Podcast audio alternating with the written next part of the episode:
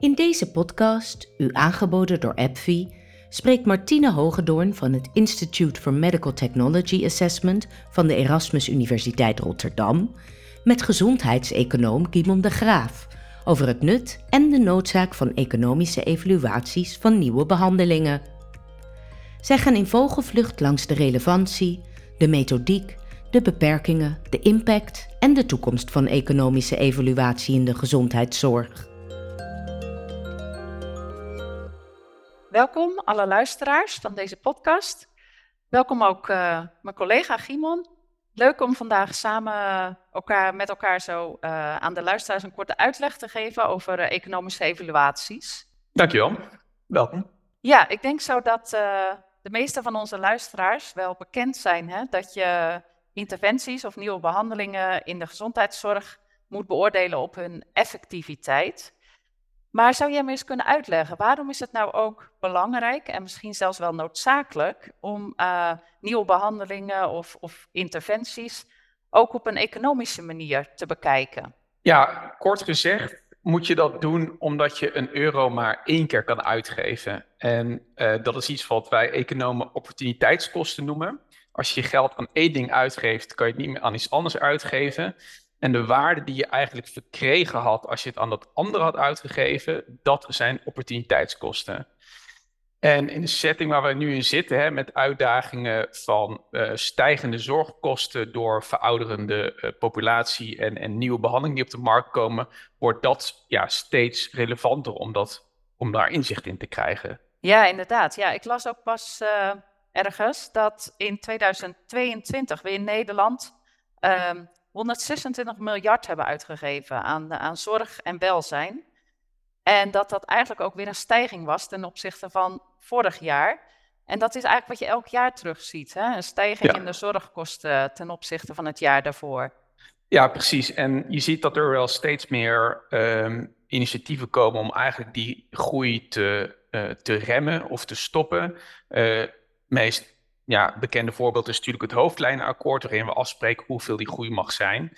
En als je in zo'n situatie zit waarbij we die, die groei proberen te dempen of, of helemaal op nul zetten, uh, dan betekent dat eigenlijk dat je als je ergens iets nieuws gaat doen in de zorg, als je iets erbij gaat doen, dat er ergens anders iets ja, moet verdwijnen. Want nogmaals, je kan die kosten maar op één keer op één plek uitgeven.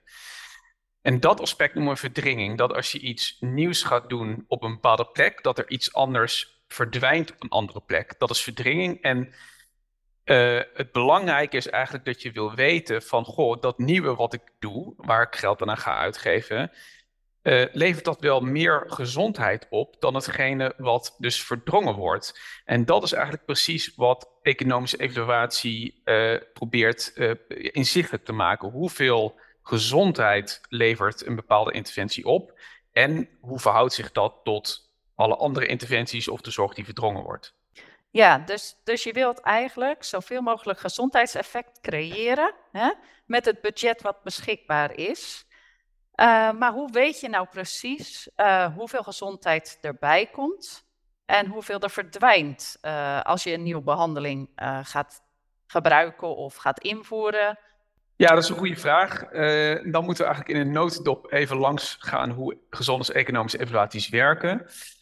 Um, ik denk het belangrijkste basisprincipe is dat economische evaluaties altijd incrementele evaluaties zijn. En dat betekent dus dat je twee of meer uitwisselbare behandelingen met elkaar vergelijkt. Dus behandelingen die je aan dezelfde patiëntengroep kan geven. En, en daarom kun je ook nooit zeggen van ja, middel X is kosteneffectief of niet. Je kan alleen zeggen middel X is in vergelijking met middel Y in die patiëntenpopulatie wel of niet kosteneffectief. En ja, vaak gebruik je natuurlijk als je een nieuw uh, medicijn of een, of, een, of een operatie of zo evalueert, gebruik je natuurlijk als vergelijking de bestaande zorg die eventueel vervangen wordt door die nieuwe interventie als vergelijking. Ja, dus een economische evaluatie vergelijkt dus altijd twee behandelopties met elkaar. Ja, precies. Je vergelijkt altijd dingen met elkaar en dat zie je ook uh, terug in, de, in die, uh, de, eigenlijk de belangrijkste uitkomstmaat in economische evaluaties. Dat is namelijk de uh, incremental cost effectiveness ratio of incrementele kosteneffectiviteitsratio in goed Nederlands. Ehm, ja, dus dat woord zegt het al. Het is een, het incrementele verschil tussen de kosten tussen het ene en andere behandelalternatief, gedeeld door het verschil in effecten tussen het ene en andere behandelalternatief. Um, ja, dus dat resulteert dan in een soort van kosten per eenheid effect. Uh, ja, als uitkomst van zo'n economische evaluatie. En, en die effecten, dat, dat is dus wat je vaak ziet, die worden dan uitgedrukt in qualies. Voor kwaliteit gecorrigeerde levensjaren. Ja, dat, dat? kan. Dat kan. Um, dat hoeft niet altijd zo te zijn. Er zijn, er zijn eigenlijk verschillende soorten economische evaluaties. En die zijn eigenlijk gecategoriseerd naar gelang welke of op welke manier ze gezondheidseffecten meenemen. Uh, die kunnen we wel even langslopen. Als eerste heb je eigenlijk de kostenminimalisatiestudie. En dan neem je eigenlijk geen gezondheidseffecten mee. Dus zo'n studie kan je eigenlijk ook alleen doen of is alleen relevant als je weet dat beide alternatieven gelijkwaardig zijn op het vlak van de gezondheidsuitkomsten. En dat je daarom alleen kijkt naar hoe ze verschillen op het vlak van kosten. Dan heb je daarna de kosteneffectiviteitsstudie wel bekend. En daar worden uh, de gezondheidseffecten eigenlijk in soort van meetbare klinische of gezondheidsuitkomsten uitgedrukt. Dus denk bijvoorbeeld aan uh, ja, een reductie in procentpunten HbA1c of uh, een verandering in het aantal lichtdagen in een ziekenhuis of ook overleving is een uitkomst. Dat gebruik je in de kosteneffectiviteitsstudie. Ja, en in, in, in zo'n studie krijg je dan dus als belangrijkste uitkomstmaat bijvoorbeeld de kosten per voorkomen ziekenhuisopname of de kosten per eenheid daling in HbA1c.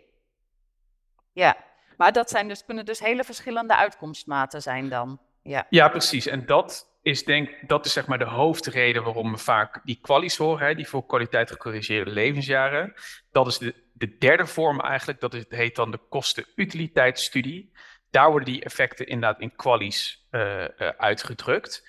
En die quali neemt, uh, die combineert eigenlijk zowel lengte van leven als en kwaliteit van leven. En dat vinden dan eigenlijk ja, de twee uitkomsten die eigenlijk alles, alles vatten wat relevant is in zaken gezondheid. En het grote voordeel ervan is inderdaad, wat je net naar hintte, dat is dat je dat voor alle ziektebeelden kan gebruiken. In alle ziektebeelden kan je zeggen van oké, wat is de kwaliteit van leven? Uh, en, en natuurlijk de lengte van leven die mensen ervaren. En daarom is dat een, um, ja, een, een, een, een, uitkomst die vaak uh, genomen wordt, zodat je kan gaan vergelijken. En om het rijtje nog even af te maken, we hebben ook nog een laatste variant, dat is de kosten-baatanalyse. En daarbij worden eigenlijk de gezondheidsuitkomsten uh, weer uitgedrukt in geld, waardoor ja, alle uitkomsten in die analyse in, in, in geld zijn uitgedrukt. Ja, en kun je, kun je ook uitleggen waarom die uh, kosten-utiliteitsvariant, dus de kosten per quali, waarom die het meest gebruikt wordt? Ja, dat is wat ik al net een beetje naar hinten, is dat het die vergelijking uh, mogelijk maakt tussen heel verschillende ziektebeelden. En dat, daarom heeft het eigenlijk een voorkeur voor uh, beleidsmakers. Want die willen, waar we net in, helemaal in het begin over hadden, die willen natuurlijk kunnen kijken naar uh, is dit een, een doelmatige inzet van middelen uh, vanuit het zorgbudget? En daar moet je, daarom moet je over het hele zorgbudget heen kunnen kijken, over alle ziektes. En zo'n uitkomstmaat als de quali uh, ja, stelt je in staat om dat te doen. Je bent niet met ziektespecifieke uitkomsten bezig. Um, dus daarom is dat eigenlijk uh, door veel regulerende instanties is dat eigenlijk verplicht om als je iets indient, bijvoorbeeld voor vergoeding, om je gezondheidseffecten uit te drukken in qualies. Dan moet ik wel zeggen, even voor pure semantiek, het, het komt vaak voor dat, eh, officieel heet het dan een kosten-utiliteitsstudie als je qualies gebruikt. In de praktijk wordt het vaak wel ook gewoon kosten-effectiviteitsstudie uh, genoemd. Dus er wordt niet een heel strak onderscheid gemaakt tussen kosteneffectiviteit en kostenutiliteit, nagelang die uitkomsten. Maar ja, als je het puur wetenschappelijk bekijkt, is, is daar wel een verschil tussen. Ja, dus die termen worden een beetje door elkaar heen gebruikt, hè? Kosteffectief ja. en uh, kostenutiliteitsstudie. Ja, precies. Ja, zo, uh, we hebben het nu vooral gehad over de effectenkant. Die worden dus uh, uitgedrukt in uh, ja, een klinische eenheid of, of in Quality Adjusted Life Years, de qualies. Um, ja, kun je ook uitleggen hoe het aan de kostenkant zit? Ja, het, handige is natuurlijk aan de kostenkant dat het gewoon allemaal euro's zijn of een andere munteenheid als je ergens anders ter wereld bevindt. Ehm, dus het zijn allemaal, het is dezelfde eenheid, maar het zijn wel soort van verschillende kosten die daarin zitten. Ehm, nou, het meest voor de hand liggend zijn natuurlijk de kosten voor een behandeling, de behandeling waar je geïnteresseerd in bent, maar ook andere medische kosten die misschien te maken hebben met behandeling van complicaties, et cetera. Die zitten natuurlijk er altijd wel in. Ehm, maar we kijken vaak wel wat breder in de economische evaluatie, we willen meer kosten meenemen. We kijken bijvoorbeeld ook naar kosten die een uh, patiënt zelf moet maken voor zijn behandeling. Ja, kun je aangeven waar je dan precies aan moet denken als je het hebt over kosten die de patiënt zelf moet maken? Ja, soms, soms zijn er dingen die, die, die een patiënt uit eigen zak moet betalen, die niet vergoed worden. Ofwel, hè, eh, je hebt een eigen risico voor, voor zaken als uh, ja, eigenlijk je hele zorggebruik. Maar ook dingen als de reiskosten voor, naar, naar het ziekenhuis voor een controle. Gewoon je brandstof en je parkeren en dat soort dingen. Dat, dat rekenen we ook mee als dat een relevant item is in, in, in een vergelijking. Dus dat, dat, is, dat zijn kosten voor de patiënt zelf. Maar we kijken ook nog breder. Hè. We hebben bijvoorbeeld ook mantelzorg nemen vaak mee. En dat zijn dan kosten die in de realiteit niet zozeer in euro's gemaakt worden, maar dat zijn kosten die familie en vrienden in de vorm van tijd eigenlijk investeren. Maar in onze evaluaties nemen die, hangen we daar eigenlijk een soort van prijskaartje aan, dat we die wel in, in, in euro's zeg maar, kunnen meenemen. En we kijken bijvoorbeeld ook naar productiviteitsverliezen. Dus misschien is het zo dat in, uh, in een bepaalde behandeling je uh, sneller aan het werk kan, of juist door die behandeling minder in staat bent om te werken. En dat zijn ook kosten in de maatschappij. Dus die willen we ook graag meenemen. Wat voor effect heeft de ziekte en behandeling op je productiviteit? Um, en als laatste kijken we ook naar medische kosten in toegenomen levensjaren. Dus niet direct de medische kosten die relatie hebben met de behandeling voor je ziekte, maar ook wat er in de toekomst gaat gebeuren. Ja, kun je, dat, kun je dat wat verder uitleggen? Want ik denk dat dat voor de luisteraars wel raar klinkt. Hè? Dat als je een behandeling hebt die ervoor zorgt dat mensen langer leven, dat dat dan resulteert in uh, ja, ja. meer kosten meenemen. Hè? Dat het klinkt een beetje tegenstrijdig. Ja. Ja, ik snap dat het een beetje, als je zegt, ja, je, je leeft langer en daardoor maak je meer kosten. En in zo'n evaluatie uh, ja, kan dat lijken alsof je een beetje een soort van penalty geeft aan een, een behandeling die langer doet leven. Maar ja, in de kern willen we natuurlijk altijd gewoon alle kosten en effecten over de levensloop van, van een patiënt meenemen.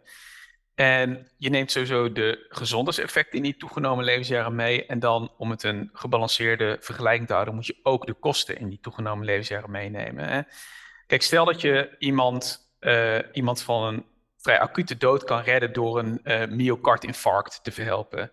Uh, dan rekenen we een, een enorme toegenomen levensverwachting daarvan mee. Uh, en we rekenen met soort van gemiddelden van kwaliteit van leven die die patiënt waarschijnlijk ervaart. Maar die kwaliteit van leven wordt natuurlijk niet alleen maar gerealiseerd door die ene uh, verhelping van het myocardinfarct. Die wordt, ja, dat is een opeentelling van alle andere behandelingen die zo'n persoon eventueel nog krijgt in de rest van zijn leven. En omdat we die effecten meenemen, moeten we ook die kosten meenemen om het een ja, complete vergelijking te houden. Ja, dat is duidelijk. Ja, we hebben het nu gehad over uh, de effectenkant hè, en ook uh, wat uitgebreider bij de kostenkant stilgestaan. Uh, maar praktisch gezien, hoe, hoe doe je nou precies zo'n economische evaluatie?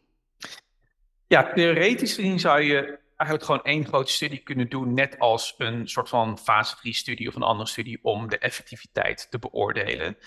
Alleen zie je dat ja, in de praktijk dat vrij lastig is, omdat je enerzijds heel veel informatie nodig hebt. Hè, wat ik net allemaal zei over al die kosten, et cetera. Dat, dat, dat is allemaal additionele uh, informatie die je moet vergaren naast wat je normaal doet in een effectiviteitsstudie.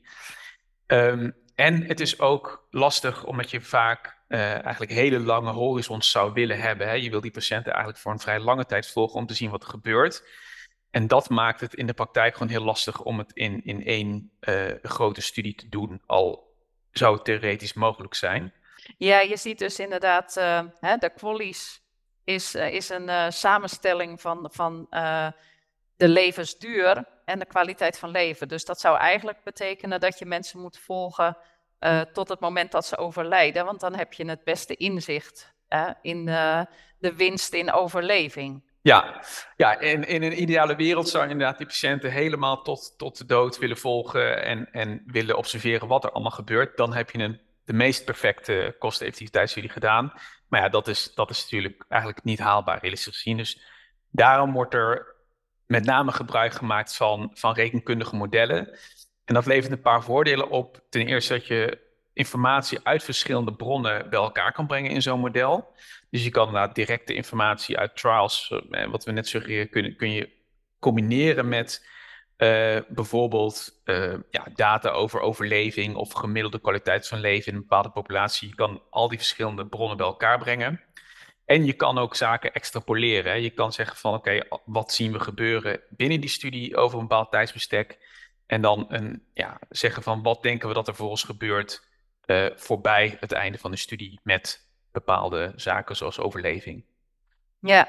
ja, zelf vind ik altijd inderdaad een handig voorbeeld dat je, hè, als je kijkt bijvoorbeeld naar de korte termijn effecten van stoppen met roken interventies, hè, dan kan je inderdaad na een jaar bepalen welk percentage patiënten gestopt is met roken.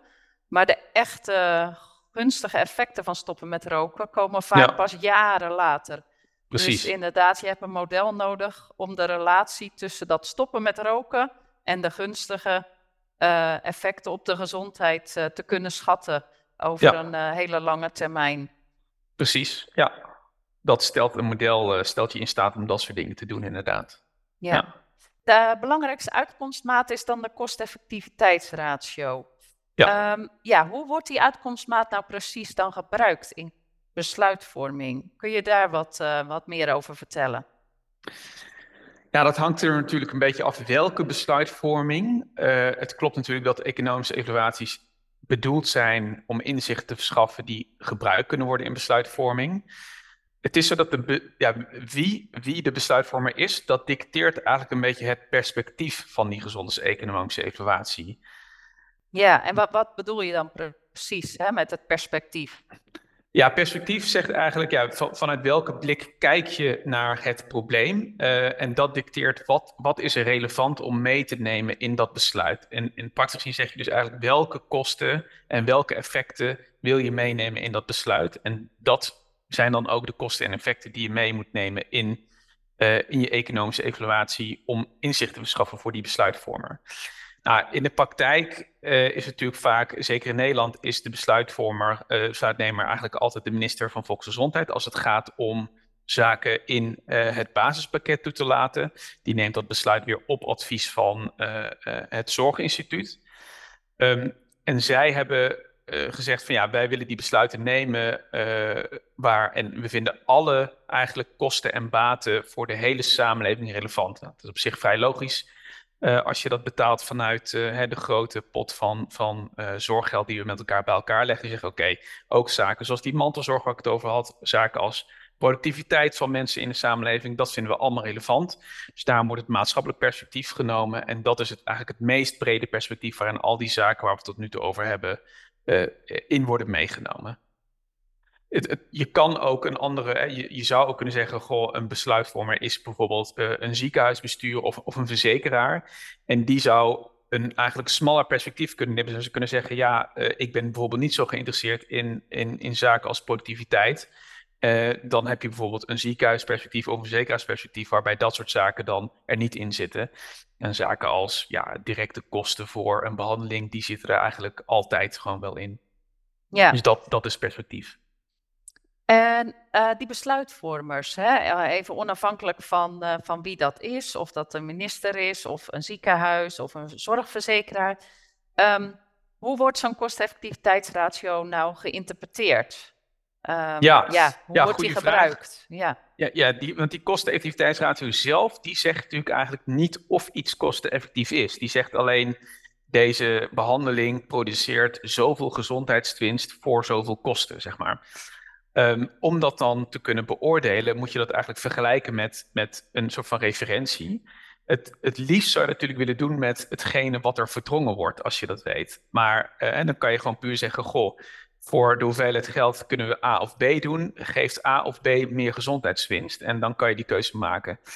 In de praktijk is dat ook vrij lastig, omdat je heel moeilijk kan zeggen wat wordt er precies verdrongen uh, als je iets nieuws uh, introduceert. En daarom ja, vergelijk je het eigenlijk met een soort van drempelwaarde. Zeggen, oké, okay, je, je stelt een bepaalde grens en zegt, oké, okay, als het meer gezondheidswinst voor een euro oplevert, dan vinden we het kosteneffectief. Uh, als het minder is, dan vinden we het niet kosteneffectief. Ja, dus die, die reflectie, hè, of iets kosteneffectief is of niet, uh, hangt vooral af van die drempelwaarde. En ja, wie bepaalt die drempelwaarde? Ja, de drempelwaarde wordt door, de, de besluitnemer uh, gevormd. Je kan, er zijn een bepaalde manier waarop je kan zeggen, wat zou die drempelwaarde moeten zijn? Je kan zeggen, hoe efficiënt is de gezondheidszorg in het produceren van gezondheid. Je zou kunnen zeggen, gemiddeld gezien kan je voor een x aantal euro een kwalie realiseren in de zorg. En dan kan je zeggen, als iets uh, efficiënter is dan dat, vinden we het uh, kosteneffectief en minder efficiënt niet. Um, je kan ook zeggen, goh, we willen misschien additionele budgetten voor die zorg uh, beschikbaar stellen. En dan stel je meer de vraag, oké, hoeveel zijn we bereid te betalen als samenleving voor die gezondheidswinst. En in Nederland gebruiken we op dit moment een drempelwaardes die, die gebaseerd zijn op dat laatste. Hè, op, noemen we dan de willingness to pay, de bereidheid die we als samenleving hebben om voor de gezondheid te betalen. En in Nederland hebben we drie drempelwaardes die afhangen van de ziektelast. Dus hoe ernstig vinden we een bepaald ziektebeeld. En dan varieert de drempelwaarde van 20.000 euro per kwalie voor de laagste tot 80.000 euro per kwalie voor de hoogste ziektelast. Dus die uitkomst van een gezondheidseconomische evaluatie. een x aantal euro per kwalie kan je dan vervolgens met die drempelwaarde vergelijken. Dus als je iets hebt wat. Uh, je hebt een nieuwe behandeling voor een ziekte met de hoogste ziektelast en die is minder dan 80.000 euro per kwalie, dan zal het Zorginstituut in principe zeggen dat vinden we kosteneffectief en we adviseren de minister om het op te nemen in het pakket. Ja, we hebben dus nu gehoord dat uh, kosteffectiviteitsinformatie nuttig kan zijn voor uh, nou, het ministerie voor Zorginstituut om te bepalen of iets vergoed wordt. Uh, in een ziekenhuis kan het nuttig zijn, voor een zorgverzekeraar. Heeft het ook nog waarde voor de individuele arts? Is het, daar zijn de resultaten daarvan ook relevant? Ja, ik denk eigenlijk niet dat de resultaten van een economische evaluatie op individueel patiëntenniveau relevant zijn hè, voor klinische besluitvorming in, in de behandelkamer. Uh, het meest omdat het analyses zijn op populatieniveaus en ook het meenemen van kostenoverwegingen op een individueel niveau wel, wel heel lastig zijn. Maar ik denk wel dat het relevant is voor artsen om bewust te zijn van die verdringingseffecten waar we het in het begin over hadden. Als je als arts of groep artsen uh, een nieuwe kostbare behandeling voor jouw patiëntenpopulatie vergoed wil hebben, ongeacht de, de, de kosten daarvan, dan kan dat resulteren dat er ergens anders zorg wordt verdrongen die eigenlijk meer gezondheidswinst had opgeleverd. En ik denk dat het goed is om daar bewust van te zijn. Maar ja, ik denk dat het handiger is om dit soort uh, informatie te gebruiken bij het vormen van richtlijnen in de spreekkamer. Want uh, richtlijnen zijn in principe altijd adviezen op een populatieniveau. En als arts heb je de vrijheid, of eigenlijk de taak om die te vertalen nog naar uh, ja, een, een, besluit voor een individuele patiënt. Dus ik denk dat die richtlijnen de juiste plek zijn om dit soort informatie mee te nemen. Um, en je ziet dat ook wel in toenemen met de mate gebeuren. Hè. Er komt meer aandacht voor kosten of kosteffectiviteit in klinische richtlijnen. En ik denk ook wel dat die trend zich gaat, uh, gaat doorzetten in de komende jaren. Hè. We, ik denk dat het goed is dat we uh, de taak om de, de financiële duurzaamheid van ons zorgstelsel niet volledig op de bord van uh, de minister en het Zorginstituut te leggen, maar dat je daar als beroepsgroep ook wel een, een rol in kan spelen.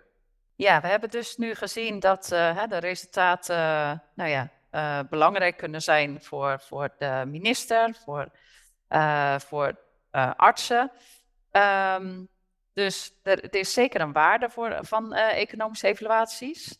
Um, ja, zijn er ook beperkingen waar we rekening mee moeten houden bij het doen van economische evaluaties? Zie je, daar, zie je daar ook beperkingen in en ja, kan je daar iets meer over vertellen? Ja, ik denk de grootste beperking die in de praktijk tegenkomt, is dat als je zo'n economische evaluatie wil uitvoeren, zeker vanuit dat maatschappelijk perspectief, waarin je al die verschillende soorten kosten wil meenemen, is dat je gewoon heel veel data nodig hebt en die data is er niet altijd.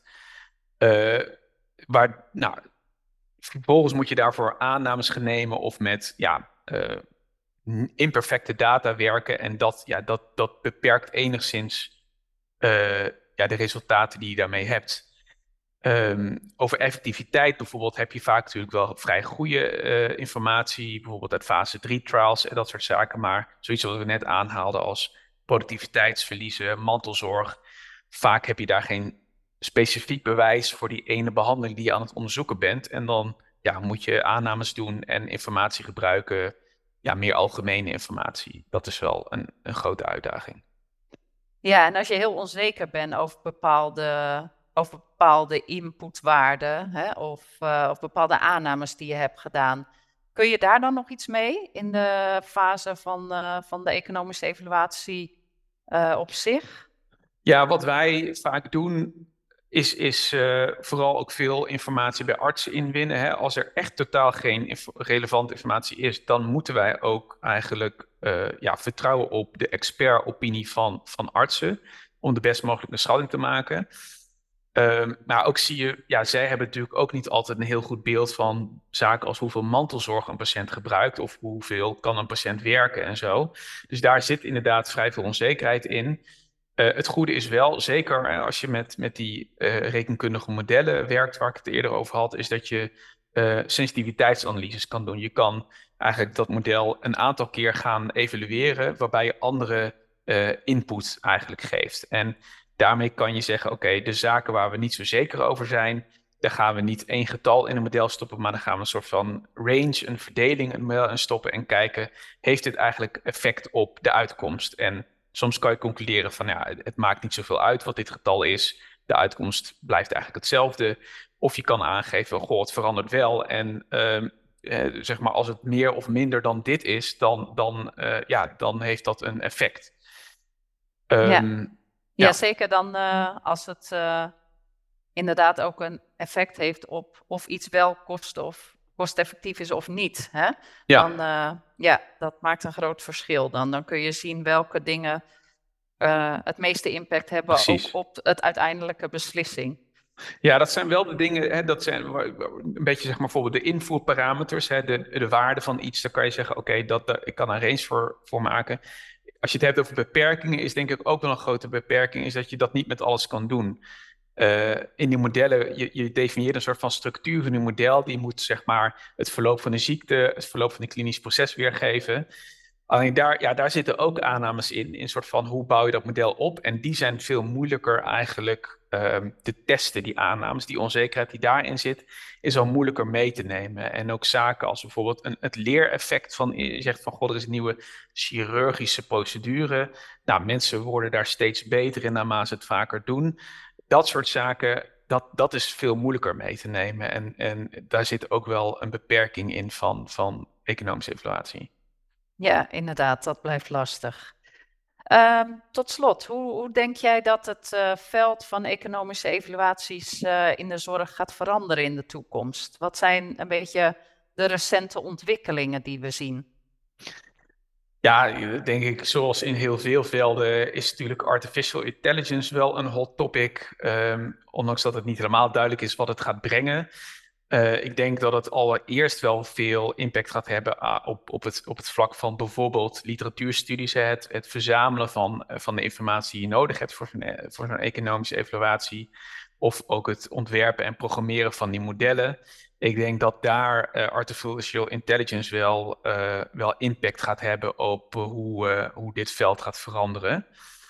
Um, iets wat nu ook wel bezig is, zeker in Europa, is het gebruik van, van, van grote ziektemodellen in plaats van specifieke modellen voor elke evaluatie. En wat je nu ziet is dat eigenlijk bijna elke aanvraag bij bijvoorbeeld Zorginstituut een eigen modelletje meekrijgt, die heel specifiek is opgezet voor die behandeling in die ziekte, et cetera. Heel specifiek je ziet een tendens waarbij er eigenlijk voor elk ziektegebied een groot model wordt gemaakt, waarbij je eigenlijk bijna alle behandelingen voor die ziekte uh, zou kunnen evalueren.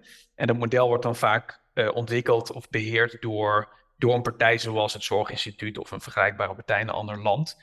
En daar, het voordeel van is eigenlijk dat je, dat je een soort van meer level playing field krijgt, dat verschillende fabrikanten hun behandelingen allemaal in hetzelfde model moeten evalueren, waardoor het op hetzelfde manier gedaan wordt, in plaats van dat iedereen probeert hun eigen modelletje net zo te tweaken dat die op, op een bepaalde uitkomst beter uitkomt. Uh, dus dat, dat zie je nu veel gebeuren. En um, als laatste, uh, de tendens die er in Europa is, is ook wel een toenemende samenwerking op het gebied van, ja, eigenlijk HTA, Health Technology Assessment, dat is iets breder dan alleen maar gezondheidseconomische evaluatie. Maar je ziet dat er, uh, we hebben natuurlijk al de EMA-beoordeling, maar je ziet ook dat daarna, zeg maar, die economische evaluatie, dat daar wel steeds meer harmonisatie en samenwerking in komt om bijvoorbeeld data te vergaren. Daar zit ook wel een limiet aan, omdat uh, de, bijvoorbeeld de klinische effectiviteit en de veiligheid, daar, dat kunnen we, en dat is redelijk hetzelfde over Europa heen. Dat ligt natuurlijk meer aan, aan, aan het middel zelf bijvoorbeeld. Maar zaken rondom uh, kosten van, van de zorg of uh, productiviteit, al dat soort zaken, die zijn toch vrij verschillend per land. Dus het gaat, het, het gaat er niet naartoe dat je een soort van Europees zorginstituut krijgt die die evaluatie doet. Maar je ziet wel een toenemende soort van harmonisatie van methoden en uitwisseling van informatie. Nee, nee, dat is duidelijk. Ja, kosten zitten wel wat uh, zitten wel verschillen, maar het lijkt me inderdaad een goed streven om uh, zoveel mogelijk de samenwerking uh, ja, te zoeken. Precies. Nou, Gimon, hartelijk dank voor je duidelijke toelichting vandaag over wat economische evaluaties precies zijn en waarvoor en hoe ze kunnen worden gebruikt. Graag gedaan. Ook hartelijk dank aan onze luisteraars. We hopen dat deze podcast heeft bijgedragen aan jullie kennis over economische evaluaties. Bedankt. Bent u geïnteresseerd in meer podcasts? Deze zijn te vinden op de website oncologie.nu